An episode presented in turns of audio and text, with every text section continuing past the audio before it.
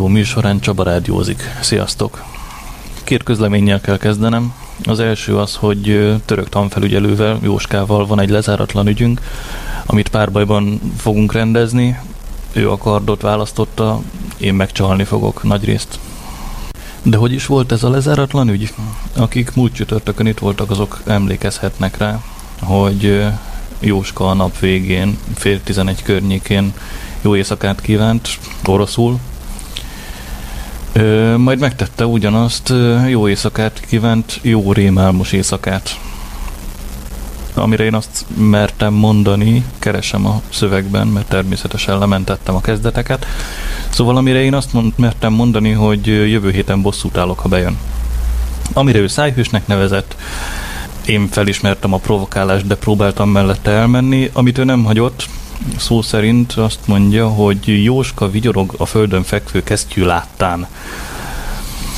És hát ezt nem hagyhattam szó nélkül. Kijelöltem a helyszínt és az időpontot, Jóska választott fegyvernemet, amint mondtam, a kardot. Hát így kezdődött a mai nap története, és mielőtt meglátjuk, hogy hogy folytatódik, van még egy közleményem. Szóval, kedves főnököm, azért csak fél tizenegy-tizenegy körül értem be ma dolgozni, mert kellett a szöveg ebbe a műsorba, valamikor fel kellett venni. Nézd ezt el nekem. Na de vissza a műsorhoz. Azt mondtam, hogy a kard fegyverneméhez képest én csalni fogok. Következzen néhány pisztolylövés, western filmek, zenék, jelenetek. A jó, a rossz és a csúf. De engedjétek meg, hogy előtte még néhány szót szóljak, nem adom ilyen könnyen ezt a zenét. A film fő témáját a brit ukulele orkestra fogja játszani. Én nem tudtam, hogy ez milyen hangszer, milyen hangszer ez az ukulele. Úgyhogy utána néztem, ez egy pici négy húros gitár, ami a Polinész szigetvilágban nagyon elterjedt. Ö, és a neve az nyers fordításban ugróbolha. És a hangja ezt teljes mértékben alátámasztja. Mondtam, hogy nagyon kedvelt Hawaii környékén, természetesen Izrael Kamakavi Volle is sokat játszott rajta, de ilyen témában megemlíthetnénk George harrison aki mindig kettőt tartott magánál, vagy akár Elvis Presley-t, de Tony Blair-t is. Szóval Ukulele Orchestra, a jó, a rossz és a csúf. Kezdjünk bele. Winds blowing creatures of the night are abroad.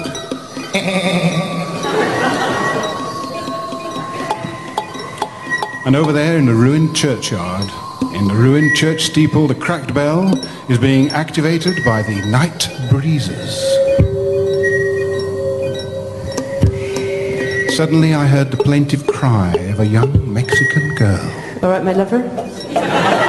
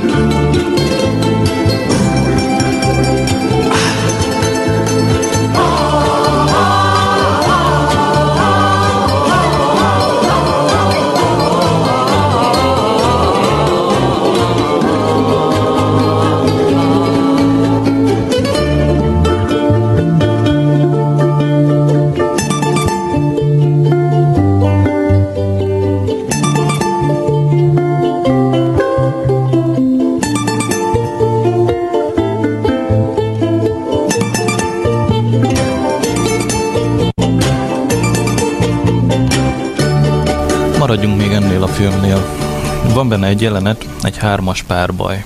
Nem tudom, hogy ki emlékszik rá. Képileg úgy néz ki a dolog, hogy ugye egy széles vásznú jelenetet látunk. Egy kör van a képen, ahol maga a párbaj folyik. A három ember, a párbajban résztvevő három ember egy háromszöget alkot. Ezt a háromszöget nem a csúcsán látjuk, hanem az élére állítva látjuk. A távolban hegyek, a kép szélén talán még fák is keretezik a történetet, szóval minden a lehető legnagyobb nyugalomra utal. Mit akarok ezzel mondani? Azt akarom ezzel mondani, hogy az operatőr a dinamikával teremti meg a párbaj feszültségét.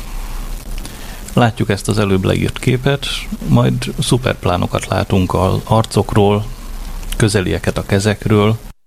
Ennek a jelenetnek a hanganyagát fogjuk most hallani. Felhívnám a figyelmet a vége felé elhangzó mondatokra, egy viccre 1966-ból. Valahogy így szól, hogy Látod, barátom, ezen a világon kétféle ember van. Az egyik a töltött pisztolyjal, és a másik, aki ás. Te ásol.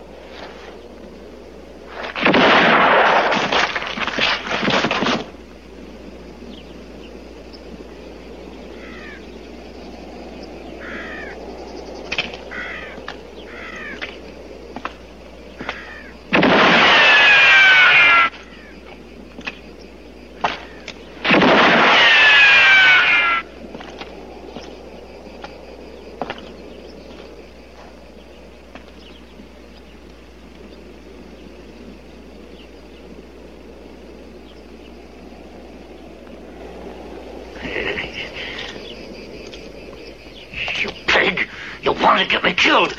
When'd you unload it? Last night. You see, in this world, there's two kinds of people, my friend. Those with loaded guns, and those who dig. You dig. Ugye azt mondtam, hogy ezzel a jelenettel bemelegítjük a képzelőerőnket. Most szükség lesz rá. Hagyjuk a western Köpött a maci. Esti mese.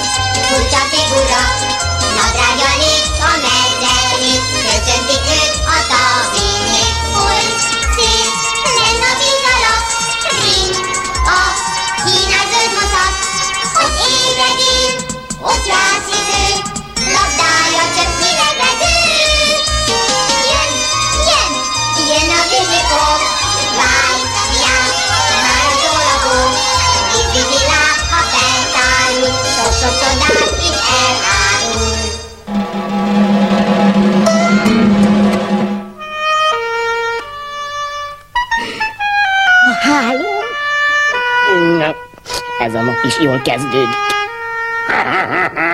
Tudtam, hogy hitvány barátotok nem mer eljönni, mert velem, nagy erejű, orszarvú Orbánnal senki sem mer párbajozni.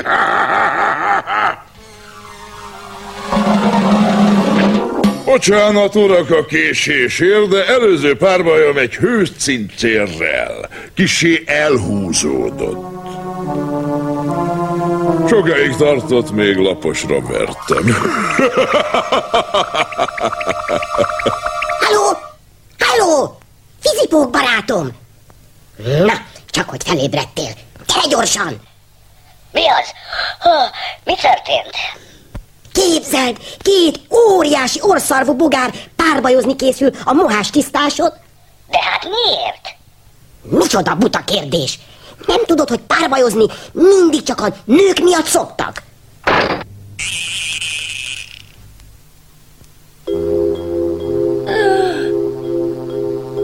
A házatokra süt a nap, és ti még alusztok. Keljetek fel! Fel! Keljetek fel! Ugyan füles, miért csapsz ekkora lármát? Csak azért, mert te ébredtél legkorábban. Még nem kell kiabálnod. Nem csak én, hanem vízipók is korán kelt. Vajon miért? Úgy látom, nagyon siet valahová. Szóljunk neki? Vízipó! Vízipó! Vízipó! Vízipó! Hová siet ilyen korán? Hová? Hová? Mi az, hogy ti már fent vagytok? Mi mindig korán kelünk, de te, vízipók, még sohasem mentél el ilyen korán hazulról? Épp csak hajnalodott, amikor keresztes barátom telefonált, hogy két orszarvú bogár párbajozni fog odafent. Jaj, de izgalmas! Kár, hogy mi nem láthatjuk. És azt a pár jajozást, mondd azt, hogy csinálják? Ugyan füles, az nem pár jajozás, hanem pár bajozás. Igen, és azt úgy csinálják, hogy megállnak szemben egymással, aztán összeverekednek. Tehát miért? Nem miért, hanem kiért. Párbajozni csak nők miatt szoktak. Én is akarok párbajozni. Csigavérrel, Füles. Azt nem lehet. Ó, már megint butaságot találtál ki. Ugyan, Füles, a párbaj halálosan komoly dolog. Igen, és én halálosan komolyan fogok párbajozni. Micsoda derék, bátor, férfias elhatározás. Biztos, hogy nincs is más megoldás. És én nem térhetek ki azelől, hogy segédi tisztemet felajánljam. Gyerünk, barátom, csatára fel! Hová még? Füles, gyere vissza, ne csinálj ostobaságot! Füles, gyere vissza! Füles! Most! Na most! Megöllek! gyere csak!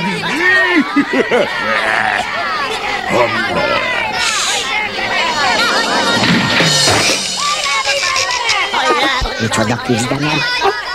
Mindig csak hanyat esnek. Most, most figyelj! Végre valami új figura. Orvos! Orvos! Orvos? Gyorsan! Segítsenek! Hol az orvos? Oda nézz! Micsoda furapók! Őt még sohasem láttam. Te nem ismered a nagy tudású kaszás doktort? Ő az, aki a városból jött, és még az egyetemen is asszisztált. Hogy, hogy mondtad, mi, mit csinált az egye, egyetem benden, benden? Azt mesélte nekem, hogy az anatómiai intézetben lakott, egy nagy koponyában. Abban hallgatta az előadásokat. Ő biztosan meggyógyítja a sebesülteket. Nem lesz nehéz, mert ezeknek nincsen semmi bajuk. Nem látod? Mind a ketten félholtak. Ó, én már sokat láttam efféle nagy szájú verekedőket. Ők csak a náluk jóval gyengébbekkel harcolnak keményen. De hát ezek most megvárják, míg a közönség eloszlik, aztán szép csendesen ők is odébb állnak. Csak azért beszélsz így, mert ők sokkal erősebbek. Nem itt mondtam, oda néz. Most, most jut csak eszembe, nekem mennem kell. Tudod, a csigák, odalent, félek valami butaságot csinálnak.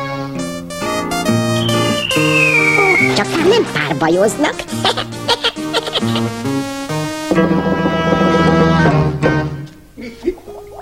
Jaj, jaj, jaj, de fáj! Füles, veled meg mi történt? Párbajoztam. És te?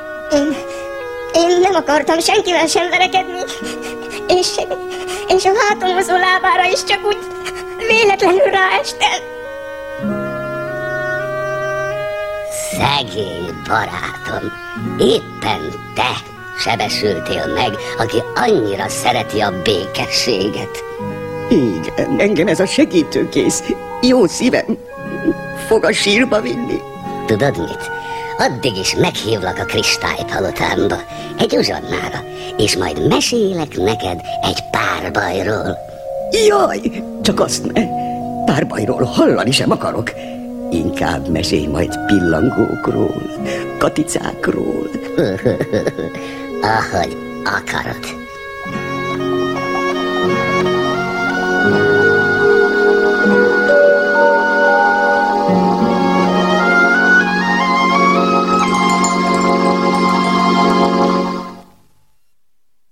Nagyon remélem, hogy senki nem aludt el. De ha így folytatjuk, akkor én holnap alhatok sokáig, mert 11-re se érek be, aztán csúnya vége lesz. Úgyhogy most, ha már azt mondtam az elején, hogy kard, akkor legyen kard. Hacsatúrján kardtáncát halljuk kétszer. Egyébként sem egy lassú mű, de a bécsi filharmonikusok úgy gondolták, hogy felgyorsítják egy kicsit. Aztán Csonka Gábor fog énekelni egy musicalből, ami azért kötődik egy párbajhoz, mert a szám maga egy belső párbajról szól. Aztán jön a Motorhead, és azt mondja I am the sword.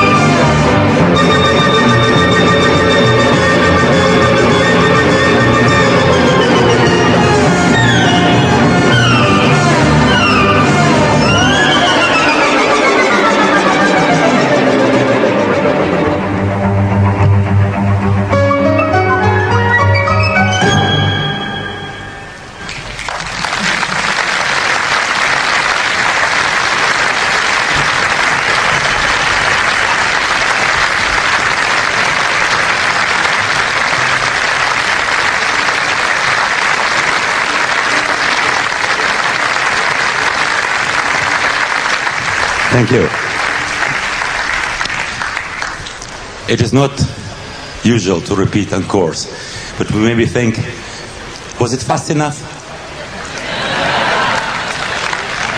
We'll give you one more.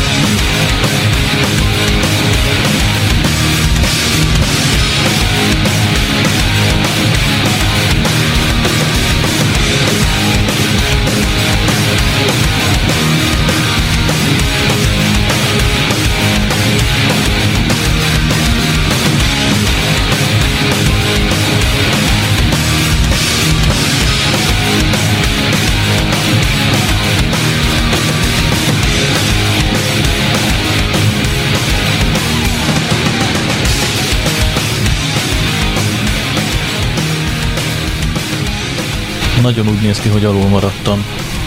Mert hogy lassacskán kifogyok a párbajos dologból, nem hogy a kardos dologból, ugye? Egy kis kitérőként nézzük meg, hogy hogy néz ki egy bajvívás vége egy elég szubjektív szemszögből. Hep Béla, alias Aléb verse következik. A léb, a bajvívó magánya. Nem harcolok már. Fekszem a porban. Mellemen horpat vértem verte lyuk. Azt sem tudom, hogy a lovam hol van. Ki nagy úrral harcol, s bukik, elsorsra jut. Az este balzsamos. Idáig elhatol a kocsmazaj. Új bajnokot avatnak régi talpnyalók. Egyik talán padlóra köp, nevem kimondva. Reggel dalolva vitte zászlóm, most már talán az is szeméten. Szajhám, tudom, ma más karjába dől. érzem párája édes illatát, és vágyom élni izzó ajkait. Megvan a ló. Amott legel, a liget mellett, a sárga fűben. Okos szemével kérdőn néz fel, látod, itt vagyok. Hogy vágta fejét a harson a szóra? Rúgott ki, szállt, mint hurról a vessző, súlyommal mit se törődve. Szemével vitte kopjám hegyét. Megállt, ahogy elveszett a terhe. Értetlenül, zavartan nézett vissza fetrengő istenére.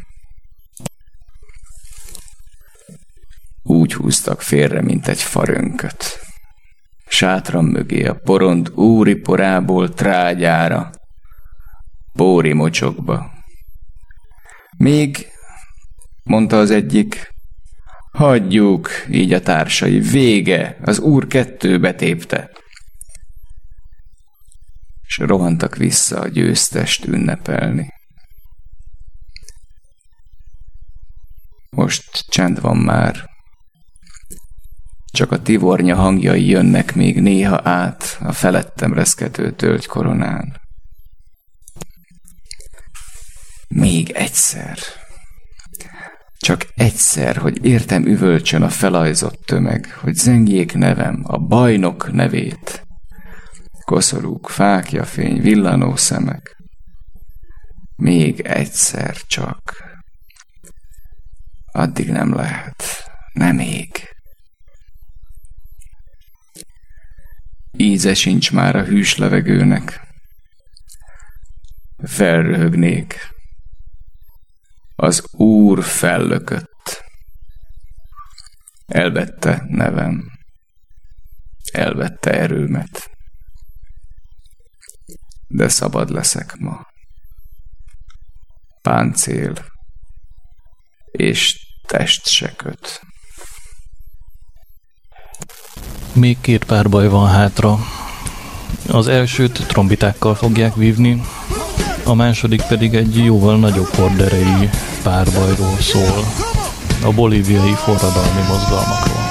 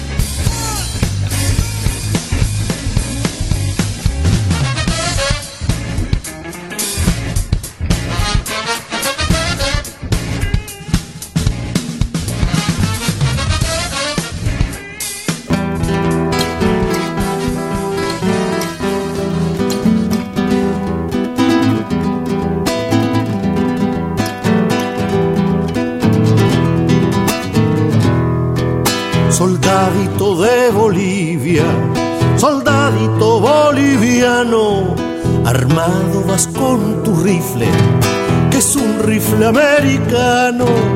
Soldadito de Bolivia, que es un rifle americano. Te lo entregó un asesino, soldadito boliviano, regalo de Mr. Dólar para matar a tu hermano, soldadito de Bolivia, para matar a tu hermano. No sabes quién es el muerto, soldadito boliviano. El muerto es el Che Guevara, el argentino y cubano. Soldadito de el argentino y cubano.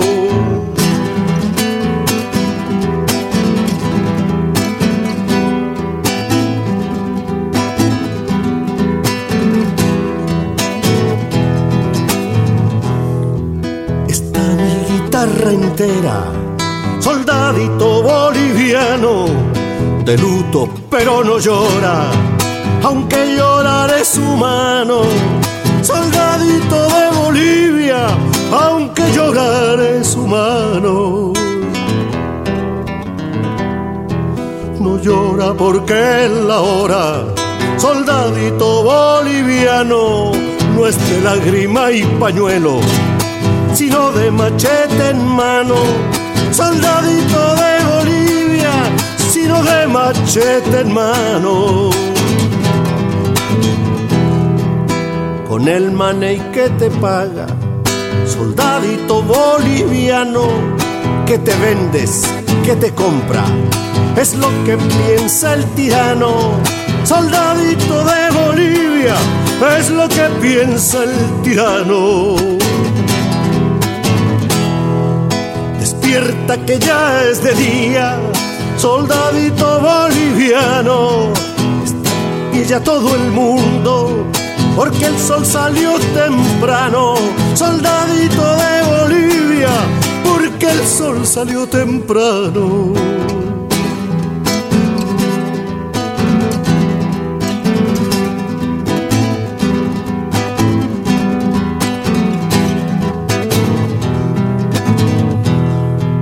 Pero aprenderás seguro, soldadito boliviano, que a un hermano no se vende, que no se mata a un hermano. Soldadito de Bolivia, que no se mata a un hermano.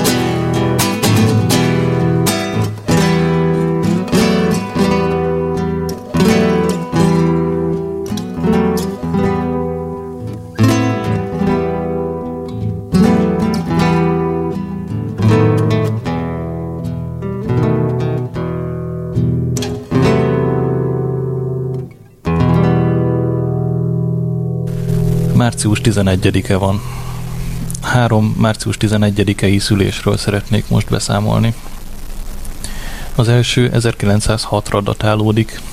Megszületik Bánhidi László, akit egy egész ország Matula bácsiként ismert meg. 1950-ben, szintén március 11-én megszületik Bobby McFerrin.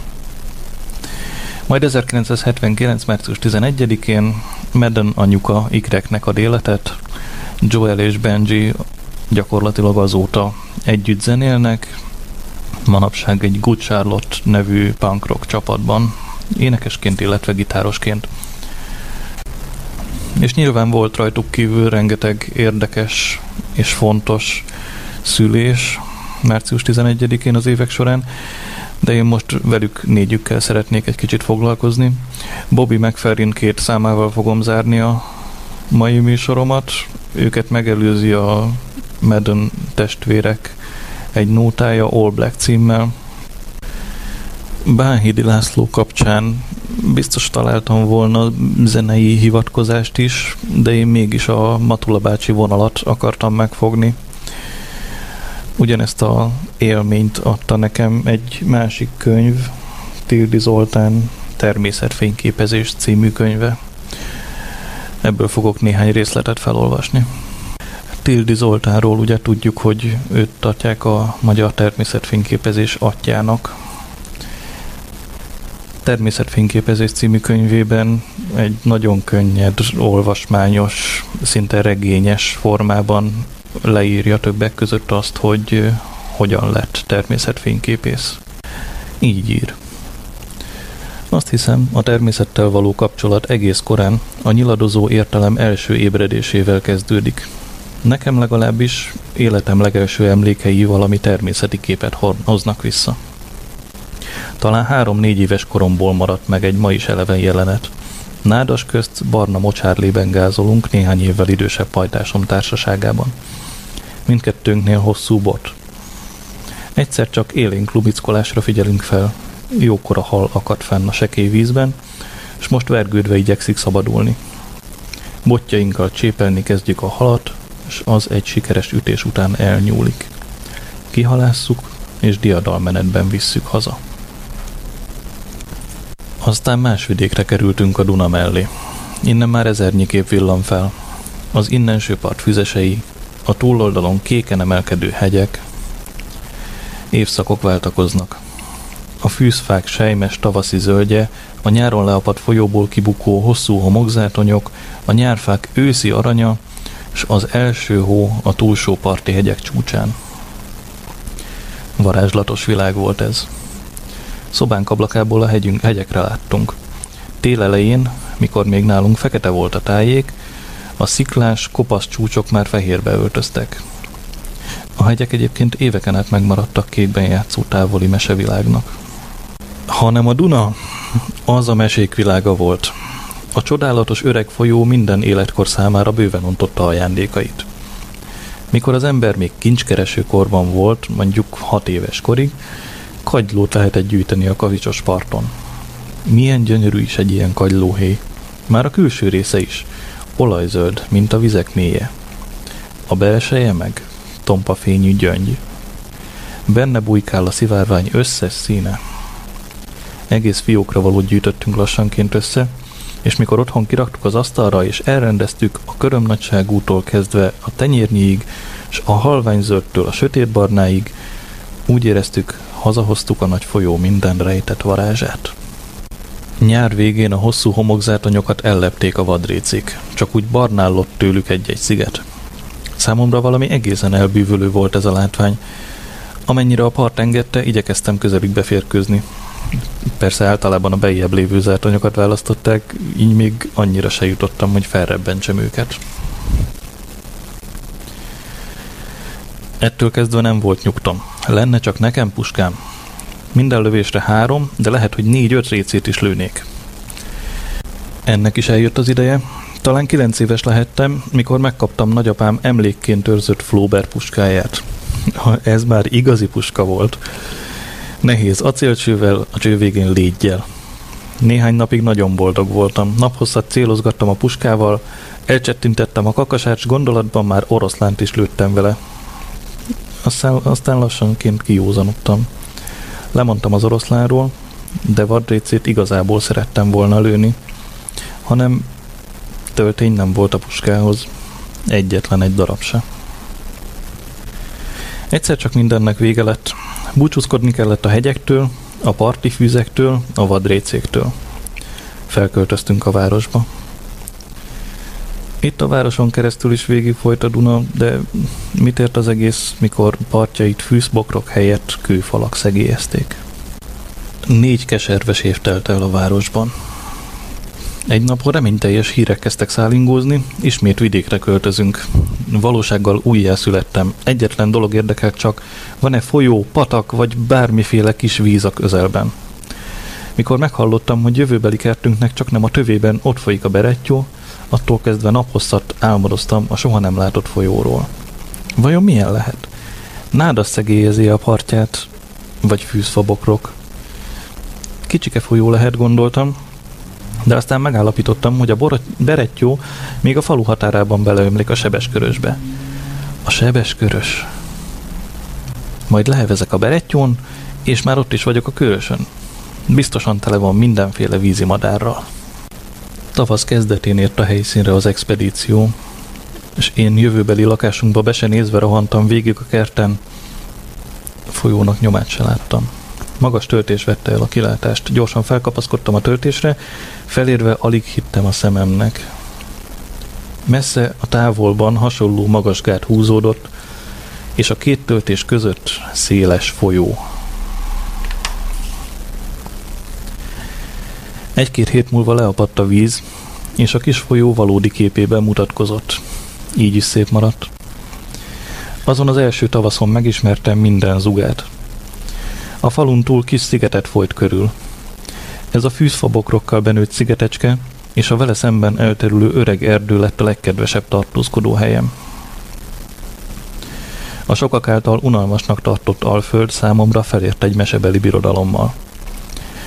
A régi sárli, sárrét világát ugyan alaposan tönkretették a vizesmérnökök, lecsapolták a nagy mocsarakat, töltések közé szorították a sebesköröst és a berettyót, de a táj eredeti képéből még így is maradt annyi, hogy hosszú éveken át végzett felfedező utaimon mindig új látnivalót nyújtson. Főleg tavaszonként. Ilyenkor a megfékezett vadvizek előtörtek mindenfelé, megtöltötték a rég elhagyott, kiszáradt holtmedreket, elárasztották a réteket, és az a sokféle vízimadár évezredeken át tartott útirányához igazodva ellepte ezt az egykor oly jó otthont nyújtó tájat. Hangos krúgatással darvak húztak a magasban, és néha leszálltak a nagy legelőkön. A zsombékos, mocsaras kék tóra vadludak jártak, és kisebb-nagyobb víztükrökön tavaszi díszbe öltözött vadrécék úszkáltak. Csörgő, bőti, nyílfarkú, kanalas, tőkés récék, mintha egymással versenyeztek volna, hogy melyik tud színesebb tóruhát ölteni. A megáradt folyók szélében szürkegé meggázoltak, és nagy ritkán leszállt közéjük egy-egy kócsag vagy sejemgém is. Az erdő öreg fáira éles vakkogással bakcsók telepettek, a folyók tükre felett furúja szóként szólt az elsuhanó cankó csapatok füttye. Minden szabadidőmet odakint töltöttem hűséges kísérőmmel a puskával. Miután a környező területeket bérlő vadásztársaságokkal megállapodtam, hogy csak madarakat szeretnék gyűjteni, és a fácán, az őz, a fogoly nem érdekel, az egész határban szabadon mozoghattam. Ellenszolgáltatásul megígértem, hogy írtani fogom a káros madarakat, a szarkát, a dolmányos varjút, a karvajt, a héját, melyek óvatos jószágok lévén ritkán kerültek a rendszerint csak vasárnaponként kijáró helyi vadászok puskacsövei elé. Lassanként egyre több madarat ismertem meg. A legtöbbet sajnos úgy, hogy lelőttem. Valóban elhitettem magammal, hogy komoly kutatómunkát végzek, és a bizonyító példányok sorra bekerültek a gyűjteményembe. Évtizedeken át féltett kincsem volt ez a madárgyűjtemény, és alig fordult meg a fejemben, hogy talán jobb lenne, ha kitömött madaraim odakint élnének a természetben. Ezek egészen az enyémek mindig a szemem előtt vannak, így gondolkoztam. Meg aztán marad még odakint elég. Csak lassan kezdett derengeni bennem, hogyha minden érdeklődő saját gyűjteményt szerezne, akkor bizony hamar üres és elhagyott lenne a táj. Egyik tavaszon aztán ajándékba kaptam egy jó prizmás távcsövet. Bal szerencsémre valami betegség miatt feküdnöm kellett, így csak a szobából nézegethettem kifelé. A nyitott ablakon langyos szellő lopózott be, és én a messzelátó keretében nézegettem a megújuló világot. Ágyamból egyenesen a kertünkre láttam. Az üde fiatal levelek, a gyümölcsfák virága oly közel látszottak, hogy csak nem kinyúltam megsimogatni őket. Széncinke szállt az egyik közeli ágra. Fürgén végig tornázott rajta, apró csőrével minden kis zugot átkutatott. Kerek fekete szeme vidáman csillogott. Soha eddig ilyen szépet nem láttam. Jó, hiszen láttam én már cinkét eleget. Nem is messziről, hisz olyan bizalmas kis madár néhány méternyire megvárja az embert. Bár, ahogy most visszagondolok, az az érzésem, hogy a falusi cinkék korán sem olyan bizakodók, mint a városiak, talán a sok parittyás gyerek miatt. Sajnos lőttem is. Gyűjteményemből ez sem hiányozhatott, és amint a messzelátónál nézegettem a serénkedő kis madarat, a párja, kitömve, a falra akasztott ágról nézett le rám. A messzelátó a kintit ugyanolyan közelre hozta, és most egészen döbbenetszerűen hasított belém. Ezek az én benti madaraim nem madarak, csak kiszáradt madárbőrök. Milyen különösen élénken csillogó kis fekete szeme van a kintinek. Micsoda különbség, ha összehasonlítom a benti poros üveg szemével. És ahogy keresgél az a kinti, minden mozdulata csupa báj, kecsesség. Nem, a természet életét nem szabad madárbőrrel helyettesíteni. Egészen új szemléletet hozott a távcső. Eddig elsősorban azért igyekeztem megismerni a madarak szokását, természetét, hogy minél könnyebben begyűjthessem őket. Most már a megismerésért önmagáért figyeltem, és ahogy életmódjukat egyre inkább megértettem, úgy kezdtem jobban és jobban idegenkedni attól, hogy madarat lelőjek. Így lassanként oda jutottam, hogy valóban csak a távcső lett a madarász kirándulások egyetlen kísérője. A természethez szolgáló harmadik kulcs, a fényképezőgép, hosszú éveken át szinte csak szerény kísérőként szerepelt. Pedig sokszor felmerült bennem a gondolat, hogy félre kellene tenni a puskát, és fényképezőgépet venni a helyébe. Érdekes, hogy ez meg se fordult a fejemben soha, hogy minden eszköz és cél nélkül járjak a természetben. Talán túl erős kapcsolat fűz hozzá, hogy csak passzív szereplőként sétálgassak odakint. Megpróbáltam nem egyszer a vadászatot összeegyeztetni a fényképezéssel. Persze még ez még akkor sem megy nagyon, ha valakinek korlátlan idő áll rendelkezésére. Nálam meg nem ez volt a helyzet, így hamarosan rájöttem, hogy két úrnak szolgálni nem lehet. Tehát választani kellett. Nem volt könnyű a döntés, és bizony évekig húzódott. Éreztem, hogy a fényképezés maradandóbb örömet adna, kutató, megfigyelő természetemnek jobban megfelelne. És folytathatnám a felolvasást naphosszat. Amikor megnyílik az estiskola webes boltja, akkor hozzáférhetővé teszem majd ezt a könyvet, Tildi Zoltán természetfényképezés című könyvét, egy szimbolikusnak mondható összegért. Most pedig menjünk tovább zenékkel. A Good Charlotte következik az All Black-kel, majd Bobby McFerrin két számával. Én Bobák Csaba voltam, ismét örülök, hogy itt voltatok velem. Sziasztok!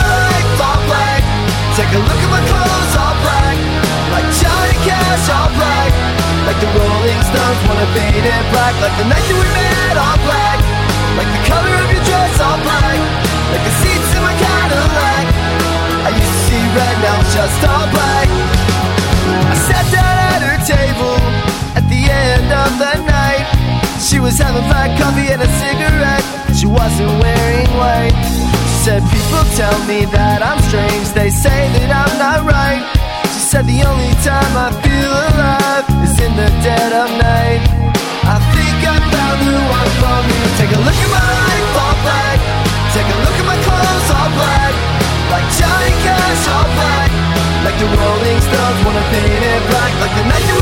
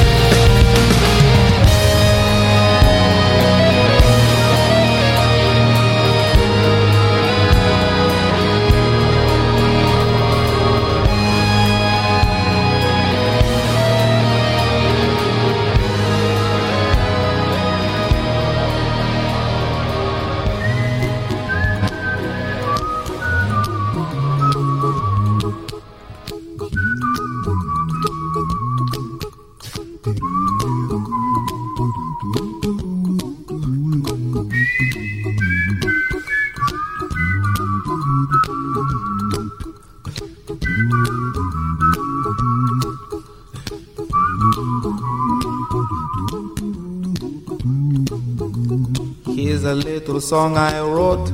You might want to sing it note for note. Don't worry.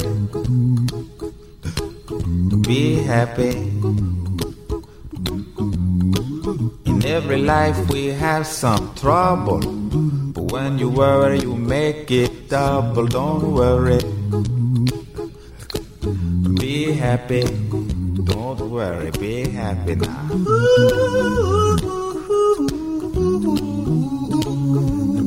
Worry.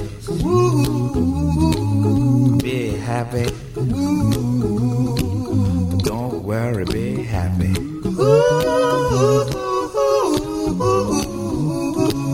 Don't worry. Be happy. Don't worry, be happy. Ain't got no place to lay your head. Somebody came and took your bed. Don't worry.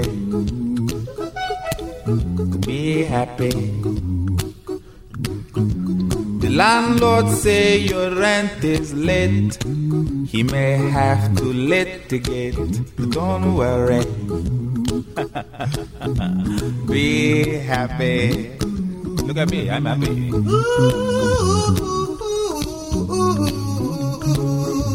Don't worry. Be happy. You my phone number. When you worry, call me. I make you happy. Don't worry. Be happy.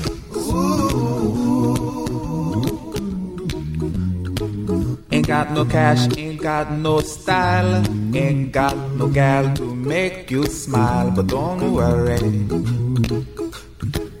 Be happy. When you worry, your face will frown, and that will bring everybody down. So don't worry. Be happy. Don't worry. Be happy now.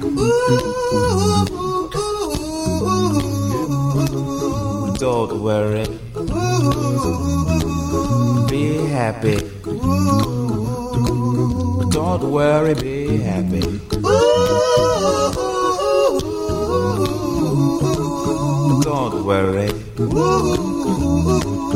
Be happy. Don't worry, be happy. Now there is this song I wrote. I hope you learned it note for note like good little children. Don't worry. Be happy. Listen to what I say. In your life, expect some trouble. But when you worry, you make it double. Don't worry. Be happy. Be happy now.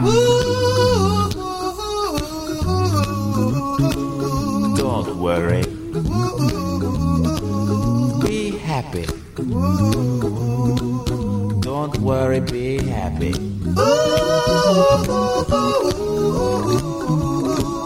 Don't worry. Be happy. Don't worry, be happy.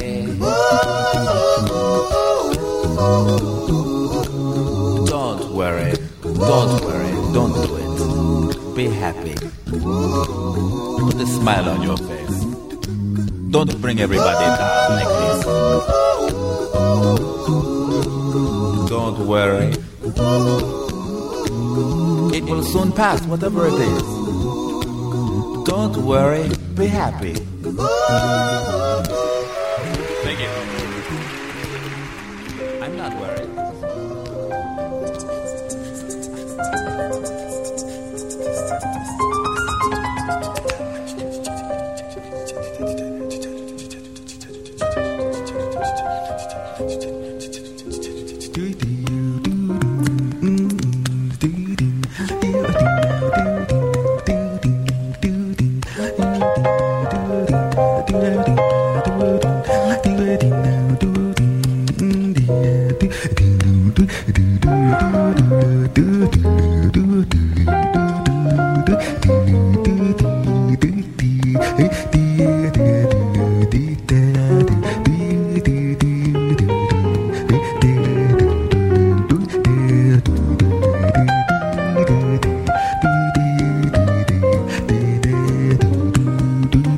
ding ding